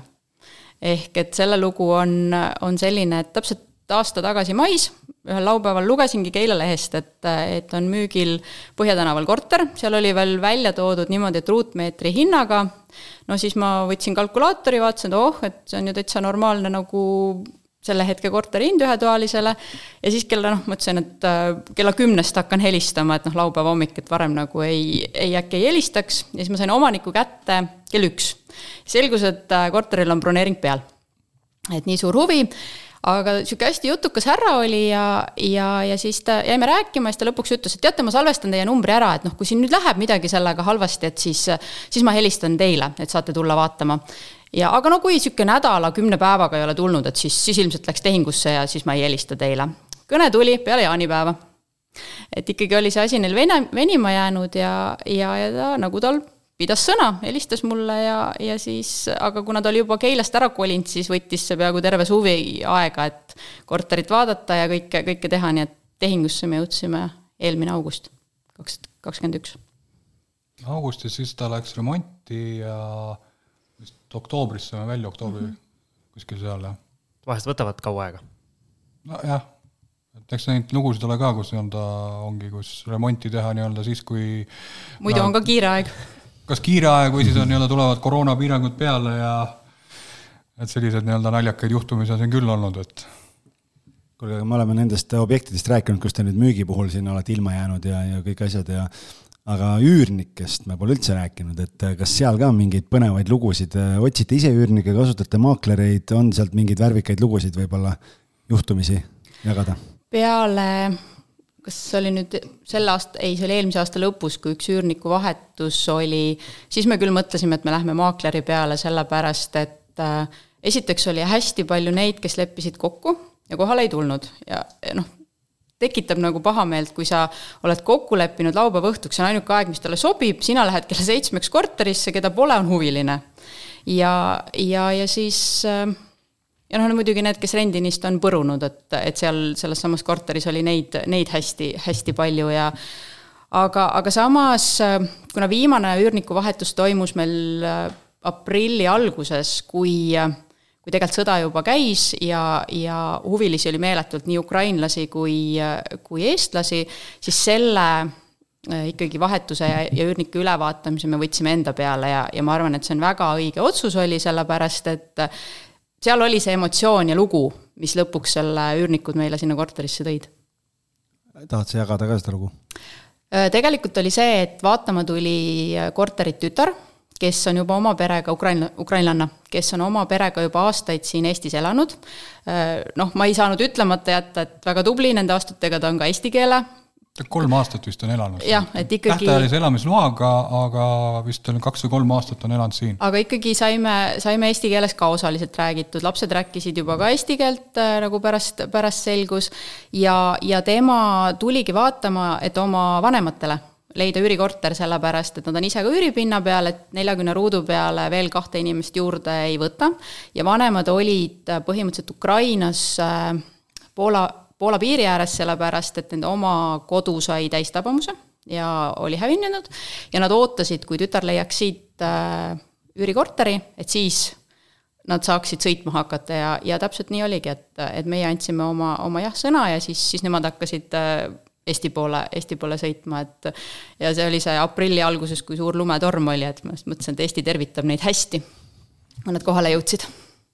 seal oli jah, see emotsionaalne see, mis nii-öelda, et kui muidu see nii-öelda, see esimene kiri nii-öelda, et noh, ta ei erinenud mitte millegi poolest nii-öelda, mis nii-öelda tohutult see nii-öelda huvi nii-öelda, mis tuli sellel hetkel nii-öelda äh, igasuguseid, kes seal olid, et äh, selle järgi poleks nagu võtnud aga see, kui see Natalja nii-öelda tuli ja nii-öelda sisse, et see, kuidas ta ikkagi üritas nii-öelda ka eesti keeles nii-öelda rääkida, siis selgus, et ta ei julgenud isegi oma lapsi nii-öelda kaasa võtta, sest äkki nii-öelda samamoodi, et nii-öelda et see nii-öelda, et me ei taha nii-öelda, üürnikud ei taha nii-öelda näha neid äh, lapsi, siis nagu kui ma kuulsin, et jah, et äh, Tšernihhivist nii-öelda vanemad, et äh, see, seal oli, nende majas on nii-öelda täistabamus, et no kodu enam ei ole, et on seal kuskil Viivis olid sellel hetkel, et noh see oli see koht, kus me nii-öelda tundsime, et vot nendele tahaks nii-öelda anda.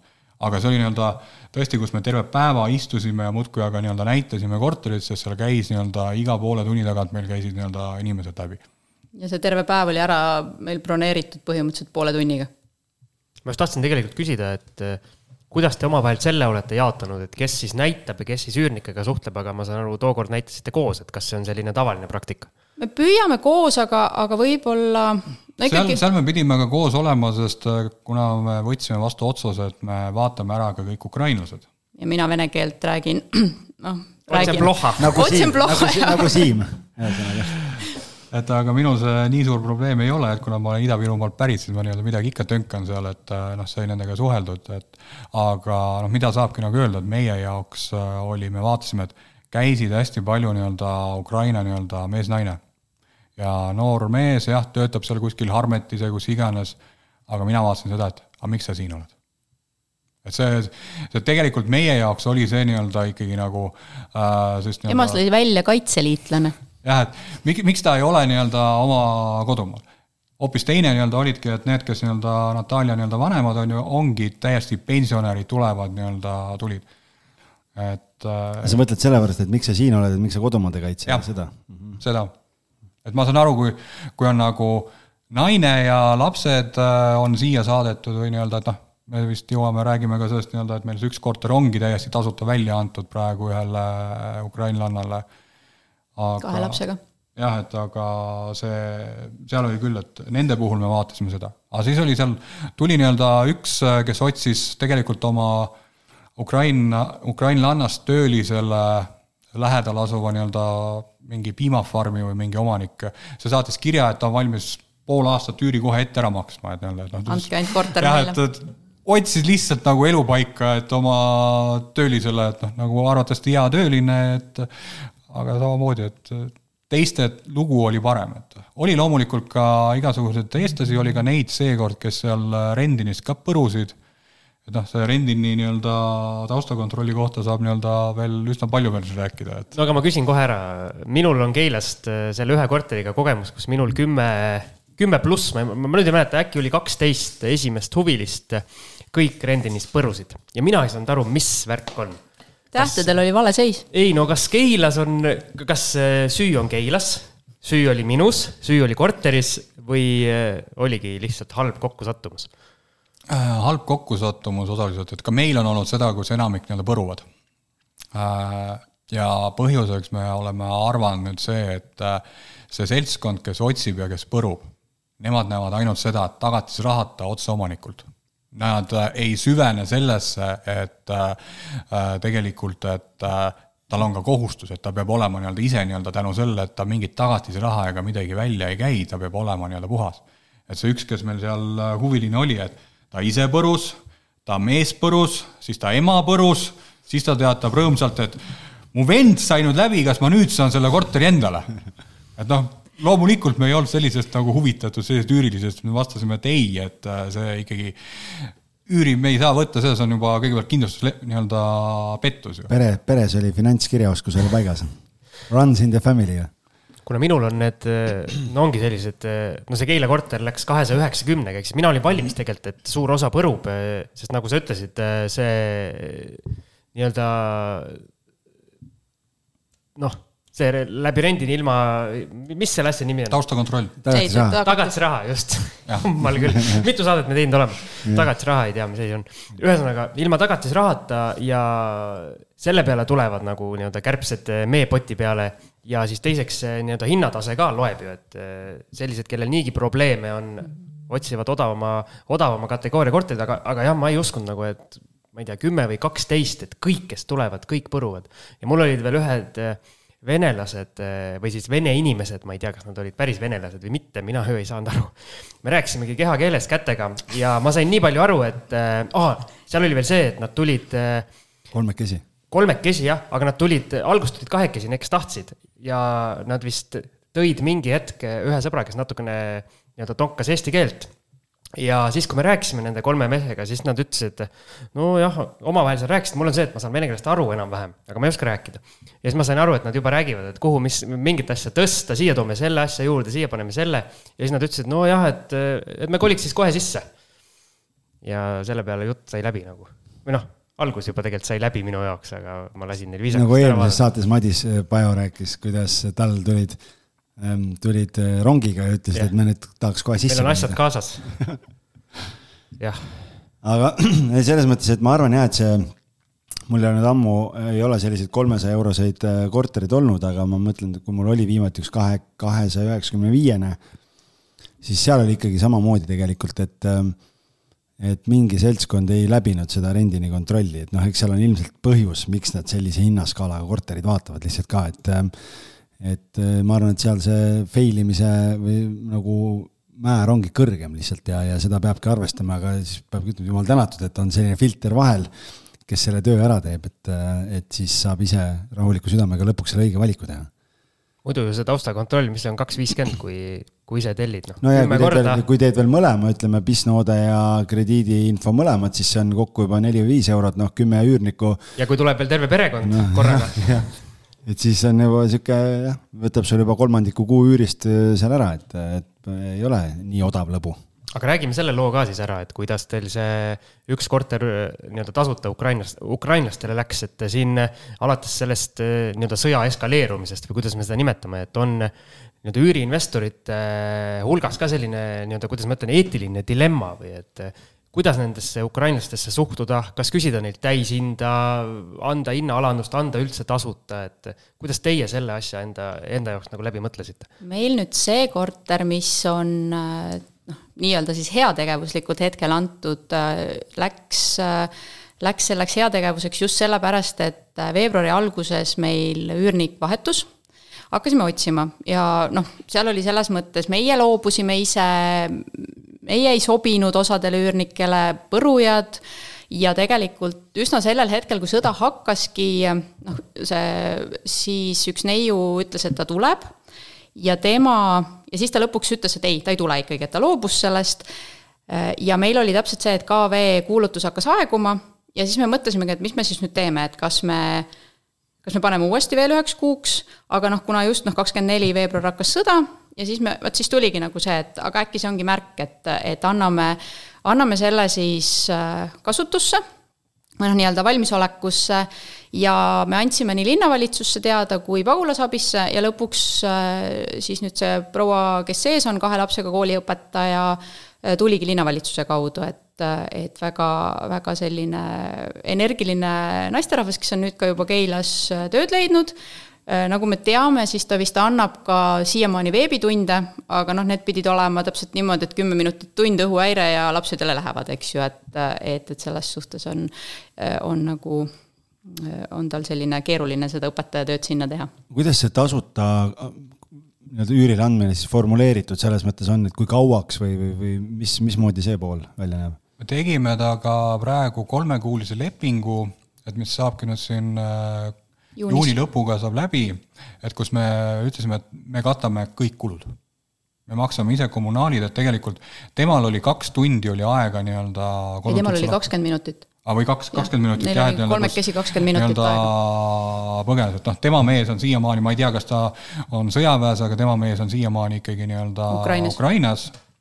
Äh, viimane kord, kui ma temaga nii-öelda rääkisin, siis tegelikult noh, uurisingi, et noh, et kuidas, et noh, et siis oli juba see, kus Kiievi alt ja venelased taganesid, et noh, tema jällegi ütles, et nende kandis just, et ta ikkagi sealt äh, Dnipro või sealtkandist on, et sinna jällegi järjest nii-öelda see sõjategevus nagu läheb nagu rohkem peale, et ja hetkel me plaanime siis seda taga teha, et äh, kui see kolmkümmend äh, nüüd juuni saab läbi, et kuna ta nüüd on nagu tööd leidnud, nüüd on nagu selge igasugused nii-öelda sotsiaalnende toetust ja sellega on ka, et siis me teeksime temaga selle lepingu, et vähemalt kommunaalid ta maksab võib-olla nii-öelda aasta lõpuni et äh, selle nii-öelda paneme, aga muidu nii-öelda üüri ega midagi talt ei võta. et me arvestasimegi selle korteriga, et äh, me nägime, et seal üks selle korteri miinus ongi, et äh, ta on avatud kahetoaline. avatud kahetoaline, see on nagu väike seinaosa, et tegelikult see üks uks seal ja see on nagu maha võetud. meil oligi nagu mõte, et kui see viimane nagu loobus, et mis me nüüd teeme, et oligi, mõtlesime, et kui nüüd nii-öelda seda põgenikke või kedagi ka ei tule ja seda, siis me rääkisime juba tuttavate nende ehituspoistega, et tõmbame selle poolteist meetrit sinna nii-öelda seina vahele ja paneme selle ukse ka, et siis on nagu täiesti nii-öelda ongi nii-öelda eraldi magamistuba ja eraldi nii-öelda avatud köögiga nii-öelda elutuba, et äh, oleks selline lahendus nagu olemas, et aga siis tuli jah, nii-öelda Olga võttis, võttis ühendust ja noh, me olemegi arvestanud ka sellega, et noh, vahet pole, mis olukorras me selle korteri pärast tagasi saame, seal meil nii-öelda seda rendini kindlustust midagi taga ei ole, et see on meie see heategevusprojekt. ja ma arvan, miks see tüdruk nii-öelda loobus, kes nii-öelda enne oli nii-öelda öelnud jah et ta tegelikult, tema läbis kõik ilusti rendini selle ja saatsingi juba isegi lepingu vist talle nii-öelda ära, aga just selle sõja alguse tõttu, sest tema pidi tulema, et temal oli, temal oli tähtajaline üürileping ja temal oli teatatud nii-öelda, et äh, ei, temaga lepingut ei pikendata, et ta peab nii-öelda lahkuma. ja ma arvan, et see, seal need omanikud plaanisid nii-öelda selle korteri nii-öelda müüki panna, siis hakkas sõda ja nad otsustasid, et tegelikult ei ja nad jätsid tema nii-öelda edasi okei. Okay noh, siin tulles lihtsalt selle juurde veel, et Siim enne ütles, et on niisugune dilemma noh, et või noh, et mida teha, kuidas teha, et noh, siin ongi see vahe väga paljudel juhtudel, et kas on omakapitalil ostetud korter või sul on pangalaen peal, et kui sul on ikkagi pangalaen vaja maksta, noh, siis, siis ma arvan, on natukene keerulisem seda lihtsalt tasuta anda, sellepärast et siis enda see finantskoormus lihtsalt on selle võrra nii palju suurem nojah, meil ja. seda nii-öelda probleemi ei ole, et see on lihtsalt nii-öelda isegi kommunaalid me saame vabalt nii-öelda ise nagu ära katta ja et, et see on nagu, tunneme, et teeme midagi head. aitäh, aitäh teile selle eest. ja siin räägime headest asjadest edasi, et kui palju teid on aidanud just see, et te nagu koos seda asja teete, et üksteist võib-olla nii-öelda keerulisematel hetkedel toetate ja vajadusel nii-öelda lükkate takka, et on sellest abi? Meie puhul on see, mis on tegelikult aastaid, aastaid olnud ja noh, meie käest on küsitud ka korduvalt, et te töötate koos, te elate koos, te teete nagu kõike koos, et hulluks ei lähe või? et ma arvan, et meie tandem töötabki sellepärast hästi, et äh, tema on, Vahur on esimene viiul, mina olen teine viiul, mõlemad on rahul sellega lisaks on Vahur õppinud aastatega, ta siin vahepeal just ütles, et, et kui, kui sa, Siim, küsisid, et kui on piiri peal on mingisugune see viis pluss viis või see, et, et siis ta uurib minu käest. no ei, ta uuri sellepärast, et ta teab ta teab juba seda, et minu käest ei tasu uurida, sellepärast et status quo on kõige parem, see, mis praegu on, see peab jääma. ehk et tema on õppinud aastatega seda tegema, et kui sa tahad, et Piret midagi teeb, siis tuleb ta fakti ette panna et ta on ka, ka meil töö juures, küll ta on ostnud meil uut tehnikat ja, ja programme ja lihtsalt öelnud, et nüüd on olemas, tegele.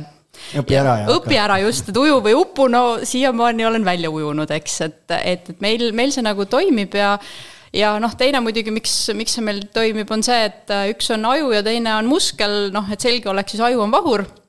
et, et selle, sellepärast, sellepärast see toimibki kui te näeksite neid nii-öelda metallasju, mis Piret on suutnud töö juures ära lõhkuda, siis te saate aru sellest peame ekskursioonile tulema. kes nii-öelda praegu jah, pilti ei näe, et arvestades tema kasvu ja seda, et äh, teda ka peetakse kohati poodides veel alaealiseks ma just tahtsin öelda, et vaadake siit äh, juures olevat pilti, ma loodan, et meil õnnestub ja on meeles see pilt ära teha pärast, et õbluke naisterahvas on siis mustliks pandud. no jah, ma võin sellesama esimese korteri puhul selle loo rääkida, et, äh, et me viiendal korrusel asub see ja sinna äh, tõime või noh, ühesõnaga diivan jõudis, naabrimees tuli appi, tassisime kõik sinna üles ära ja siis, kui ma hakkasin seda kokku panema, siis selgus, et diivanil puuduvad äh, jalgade sissekeeramiseks augud. no võtsin müüjaga siis ühendust ja siis tema noh, ütles, et okei okay,, et vahetame ümber, et kullar tuleb toob uue ja viib vana siis minema. ja siis, kui see kullar tuli, siis ta oli üksinda. vahurit ei olnud ka. ja siis ta niimoodi hakkas seda sinna viiendale äh, vedama ja no mul hakkas sellest härrast nii väga kahju, et ma haarasin sellest diivani teisest otsast ise kinni ja, ja tassisime siis koos üles, et ähm, noh, kuidagi ei, süda ei lasknud seda, et ta seal noh, ühesõnaga muskel olen mina no siit äh, ma täiendaks seda veel, et äh, ma olen kuulanud siin teie neid saateid enamikke ja me oleme ise siit saanud väga häid ideid, mida me kasutame. üks nendest ja mida meid tegelikult üürnikud on ka tihti nii-öelda, on öelnud nii-öelda aitäh, on see, et äh, me ka nendesse ühetoalistesse me paneme alati voodi. ja me mahutame sinna ka ikkagi diivani veel sisse ära. diivanvoodi. jah, et tegelikult on olemas ka diivanvoodi, et saab kellega külla võtta, aga seal on see voodi. Ja mis me oleme veel peale seda esimese korteri nii-öelda kõiki neid äpardusi ja nii-öelda õppinud, et tegelikult on, meie oleme välja valinud nii-öelda, kust me nii-öelda igast asju nii-öelda tellime. tehnika on Euronixist ja enamik mööbel tuleb kõik nii-öelda IKEA-st. sest nad toovad need tuppa. vahet pole, mis korrusel sa oled. ja see, et ta vahest on seal natukene kallim, aga see tegelikult, see mugavus, see on nii-öelda ikkagi väga suur nii-öelda pluss. Et mu oma sõber, kes siin samuti tegeleb äh,, tal on kolm korterit ja millal me nendega rääkisime, siis oligi, et rääkis, kuidas ta seal esimese korteriga, et äh, sõitsid Riiga IKEA-sse, tõid seal rõõmsalt nii-öelda asju ja siis kuidas nii-öelda tassisid siin nii-öelda kolmandale-neljandale korrusele. Nad ei leidnud maja ees kohta ka veel, et jah, et see veel eemalt nii-öelda tassida, ma küsisin, et miks te seda teete, et nii-öelda, et äh, meil on äh, see korterite sisustamisel, et kui mingi asi on sealt ka IKEA e-poest või midagi ära läinud, järelikult me mõtleme, valime mingisuguse uue asja nii-öelda välja, vaatame selle nii-öelda välja, aga et meil tuleksid need asjad, tuleksid kohale, et see on tegelikult väga suur ajavõit. Paar saadet tagasi oli teil siin see üks tüdruk äh, sealt Ida-Virumaalt, kes ütles, et nii-öelda tuleb nii-öelda käruga, et ühe korraga nii-öelda saaks nii-öelda IKEA-s kõik asjad nii-öelda kätte, et ma vaatasin pärast nii-öelda seda, et tegelikult seitsmekümne euro eest tuuakse sulle, kui sa paned selle kogu tellimuse kokku, sul tuuakse kõik tuppa ära. kui ma vaatan neid kööke ja kõik, mis meile tuuakse, see on mingisugune kolm, nelisada, viissada kilo, mida need äh, tüübid seal tassivad. et äh, see on mina tassin üksi.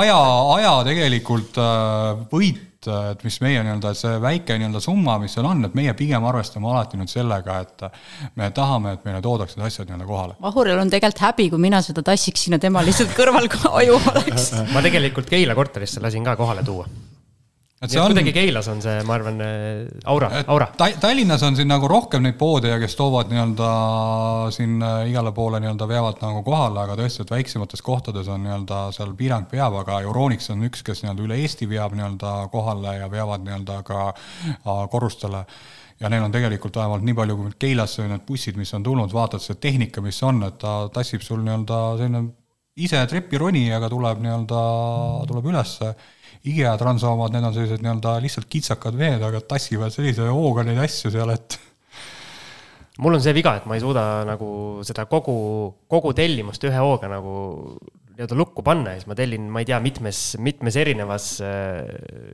järjekorras äh, neid asju, et äh, me oleme viimased, seda oleme tegelikult suutnud üsna hästi. meie seesama, kui me, kui me seal aprilli alguses neid terve päeva neid kokkulepitud kohtumisi ootasime, siis vahepeal panime järgmise korteri IKEA-t jälle kokku, nii et päeva lõpuks oli meil üürnik olemas ja järgmise korteri mööbel ka olemas, nii et. ja järgmise korteri üürnik ka juba.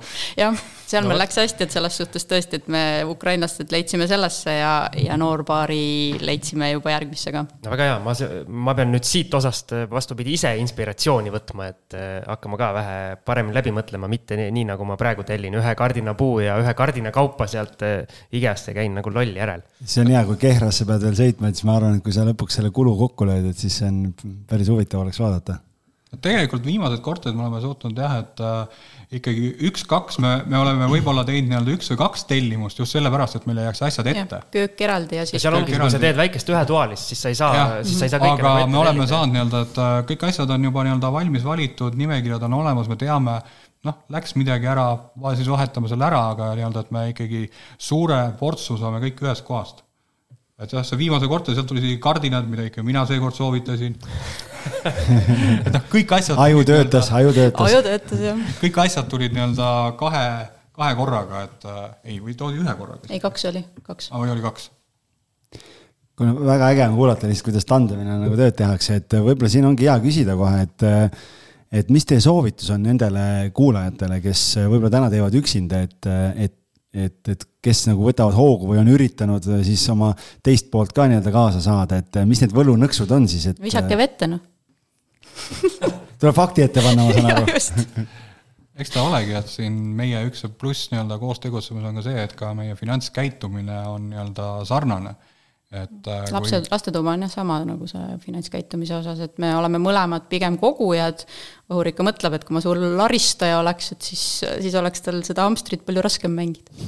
see on jah, see nagu koosmõtlemine on olnud ja ikkagi tegelikult ära valeta, sina mõtled ja söödad mulle asju ette saates peab ikka asi nagu ja, ilusam ja, olema. sugarcoat ime inglise keeles on koos see. oleme töötanud ka juba ikka paar aastat. jah, paarkümmend juba varsti. vahet pole, kuidas, kuidas see asi töötab, peaasi, et töötab. ma siin ka õiendan algisega kogu aeg, aga tegelikult siis, kui mikrid kinni pannakse, siis äh, ütlen, kui tubli mees ta on tegelikult. jah, et siis, kui ma vahepeal telefoni vastu ei võta, siis ma ütlen, see on Karmo. nii, aga lähme veel äh, juba meie viimaste küsimuste juurde, sest ma kohe vaatan, meil seda aega on läinud juba tund kakskümmend algis, oled sa aru Vau, saanud, jah? vau, vau, no vot, no põnev on. et kuhu edasi, et mis on teie plaan või see pika, pikemaajalisem eesmärk, kuhu poole te suundute või kõik käib lihtsalt samm-sammult? kus me suundume? Riisiperre, ei, mina olen pannud sellise viieaastase plaani oleme paika pannud, viisaastaku plaan, väga hea. siis ta läheb pensionile. sulle see viied ma saan aru. vist küll. Kõike viie kaupa. viieline ikka. et äh, mõte on see, et äh, viie aasta pärast võiks ikkagi olla selline äh, vähemalt äh, circa kümme korterit. et noh, kui meil ka praegu on olemas äh, kuus korterit äh,, me oleme, kui tavaliselt oma kodu ei nähta investeeringuna, siis mina olen selle nii-öelda ümber nii-öelda formuleerinud, et meie kodu on investeering ja just selle mõttega, et äh, ta on kahest korterist kokku ehitatud, ühetoalisest ja kahetoalisest ja meil on juba praegu plaan, et äh, selle viie aasta lõikes võib-olla, kus meie tahaks Keilast ära minna, me saame sellest teha ilusti kahetoalise ja kolmetoalise üürikorteri, mis jäävadki Keilasse. ja soov on minna kuskile nii-öelda natukene kas kuskil maale. maale jah, et täpselt piirkonda isegi veel ei ole, et me otsime sellist äh, vana ajalooga suurt maja. et mitte nüüd nii-öelda mingi mõisavalitsejaks kuskil. just nimelt tahtsin öelda, et ta tahab mõisaääreks saada. et ta ei pea olema mõis, et tegelikult äh, siin me oleme vaadanud siin vallamaju ja koolimaju ja selliseid asju, aga et tal peab olema selline ajaloo nii-öelda hing ja samal ajal ka nii-öelda piisavalt nii-öelda palju ka ikkagi sellist maad nii-öelda juures, et et äh, tõesti viie aasta pärast on see, kus äh, esimene vist Karlis on äkki juba Vist. Ameerikas. teine ta nii-öelda ise lõpeb teab seda. ja ei, see on tema, tema plaan jah. okei, ja tema plaan, et noh, tema lõpetab praegu juba nii-öelda lõpetab põhikooli, nüüd tal tuleb nii-öelda reaalkoolis, hakkab Tallinnas käima. see on kolm aastat on ju, et noh, siis ta on juba kuskil ülikoolis võib-olla või siis on üldse oma tööl kuskil, me ei tea seda. Fred selleks ajaks samamoodi lõpetab põhikooli, ehk see on koht, kus meil ei ole nii-öelda enam äh, Keilaga otsest sellist nii-öelda sidet, kus me võime nagu minema minna ja kuna me ikkagi tunneme, et see Mustamägi tuleb meile sinna järgi, siis me tahame minna kuskile nii-öelda rahulikumasse kohta, kus siis nii-öelda tegeleda edasi oma investeeringutega, aga võib-olla seda aktiivsemat tööd nii-öelda oluliselt nagu vähemaks jätta. ma lihtsalt täpsustan, et see Mustamäe tuleb järgi, on sellepärast, et me tulime omal ajal Mustamäelt Keilasse, et saada rahu ja ma just vaikust. tahtsin küsida, oma peast panin kaarti kokku, et kuidagi ei mängi nagu välja. ja et noh, Mustamäelt me tulime Keilasse, aga nüüd me tunneme, et, et Keila, Keila nagu äh, noh, rahvast tuleb aina rohkem juurde, et me, vanust tuleb ka, et meil on seda rahu ja vaikust vaja, et noh, see Vahur ütles, et tal on palju maad vaja, et noh, siis üks saab ühes sektori otsas olla ja mina siis teises ja noh, siis on rahu ja vaikus. ma mõtlesin, et kõigepealt Mustamäe neelab Õismäe alla ja siis mööda Paldiski maanteed, kuidas sealt tuleb ja, nagu jah. Keilasse välja. Tutermaalt ja niimoodi sealt, üürust läbi jah. jah. aga seda vist ei juhtu. nii, ja meie viimane tavapärane küsimus, mis meil on, et eh, mida te soovitate neile inimestele, kes hullult tahaksid kinnisvarasse investeerida, kuulavad äkki ka meie saateid ja mõtlevad, et eh, peaks alustama, aga ei julge, ei suuda, ei taha, ei, ei taha, ei ole õige, sest ta tahab. aga jah, ei suuda kuidagi viia ennast selle esimese tehinguni või ei julge. partner peab olema. Et see on tegelikult seesama, et miks meie ikkagi praegu siin kinnisvaras nii-öelda rohkem olemegi, ongi see, et see Pireti isa kaudu nii-öelda kõigepealt, et sealt see vajadus tuli, kus me leidsime, et me läheme sellega nii-öelda edasi, et see oli see, et mina oleks saanud minna ju kogu nii-öelda igasuguste, mis aktsiate kogu sellega nagu edasi, aga see andis ka see, et me saame seda nii-öelda koos teha. et äh, see andis selle nii-öelda julguse, et äh, kui üksi ei suuda kuidagi, et äh, siis ongi see, et sul peab olema nii-öelda see partneriga koos või kellega seda ikkagi nii-öelda äh, koos teha, et mingisugune huvi. no nii, aga ma küsin kohe jätkuküsimuse, kui inimesel ei ole näiteks äh, abikaasat või elukaaslast või pruuti peigmeest, kes äh, kaasa tuleks ja oleks nagu huvitatud, kuidas leida siis nii-öelda partner kuskilt kaugemalt, mis need variandid on? keegi sarnaselt mõtlev inimene, kuidas äh, sinna jõuda? Mina arvan, et see tuleb täitsa, kui tuleb, siis tuleb, eks ega sa otsida, sa otsides ei leia, et sa, kas sa leiad selle inimese, kellega koos teha või, või aga kui ni- nii-öelda algis äh, Keila-Joalt on niisugune mees olemas Vääna-Jõesuus seal on ikka. Vääna-Jõesust, algis äh, Vääna-Jõesust äh, istub, istub kodus ja mõtleb, et tahaks hakata kinnisvarasse investeerima, siis tal ei tule ju ühtegi, ühtegi partnerit koju ei koputa ukse peale. No siis tuleb võtta sedasama nagu, eile ma kuulasin investor Toomase tundi, seal oli see rahakratt, et nii-öelda nagu tema ütles, et tuleb käia kõvatamas, noh, et tuleb käia nii-öelda rääkimas kõigile, et sa nagu tahad midagi teha, et noh, võib-olla sa ühel hetkel leiad kellegi, keda nii-öelda koos teha ja üks koht, kus on käia rääkimas, algis, tegelikult on äh, ju siin Siim ja Jaago korraldavad äh, kinnisvara. Just, ma tahtsin öelda sedasama, jah. kinnisvaraõhtu, kuidas, kuidas. Ükskõik, nimeta, kuidas tahad, ametlikku nime kohtumine pole., kus on selline, nüüd ma sain ka esimest korda osaleda. kohtumine valijatega. jah, kolm tundi istusime mõnusasti laua taga, arutasime, kellel mis plaanid on, kui suur portfell kellelgi on. ja siis rääkisime poolteist tundi veel Kristiine keskuse ukse taga, sest meid visati välja. jah, no mina pidin kahjuks ära minema, et ma ei tea jah, kui kauaks te sinna jäite, aga, aga väga põnev väga põnev oli. nii et, et tasub otsida selliseid, käia seminaridel, kohtuda inimestega, network ida, nii et ma arvan, neid võimalusi on tegelikult palju, lihtsalt pealehakkamist on vaja. ja kusjuures meil viimase kokkusaamise teemaks oligi nii-öelda partnerlused ja koostööd ja sellised asjad. nii et väga hästi sobis. aga noh, see on nüüd möödas. jah, aga siis küll me teeme järgmise või noh, Siim, Siim ja Jaago annavad teada, siis mina lähen jälle rõõmsa Lähed kõvatama. Lähen sinna sööma algis tegelikult jah, sõi kogu, kogu laua tühjaks. ja noh, ega siis puusad vajavad toitmist õhtul hilja ju. just, nii. kuulge, aga ülipõnev, ülipõnev on olnud. jube kaua on läinud. et äh, me peame hakkama lõpetama, sest me tahame ikka ühe hea boonusosaga teha. just, jäi meil midagi rääkimata, mis kindlasti jäi, aga no mõtleme, ostame selle Paldiski korteri ja tuleme uuesti. väga hea. igal juhul kutsume uuesti. mul tulid isegi mõned head mõtted sinna boonusosasse. no nii, no no, nii no nii, Patreon.com, kaldkriips, kinnisvarajutud, nii et äh, tehke, tehke liitumine ära ja, ja siis saate kuulata, mis, mis seal põnevat juttu tuleb. just. suur tänu, Piret ja suur tänu, Vahur aitäh kutsumast mõnusat suve, ja kõigile kuulajatele aitäh ja tšau. tšau kinnisvarainvestoritele loodud kinnisvarabüroo, aitamised alates esimesest sammust kuni lõpptulemuseni välja. vaata lähemalt www.onestate.ee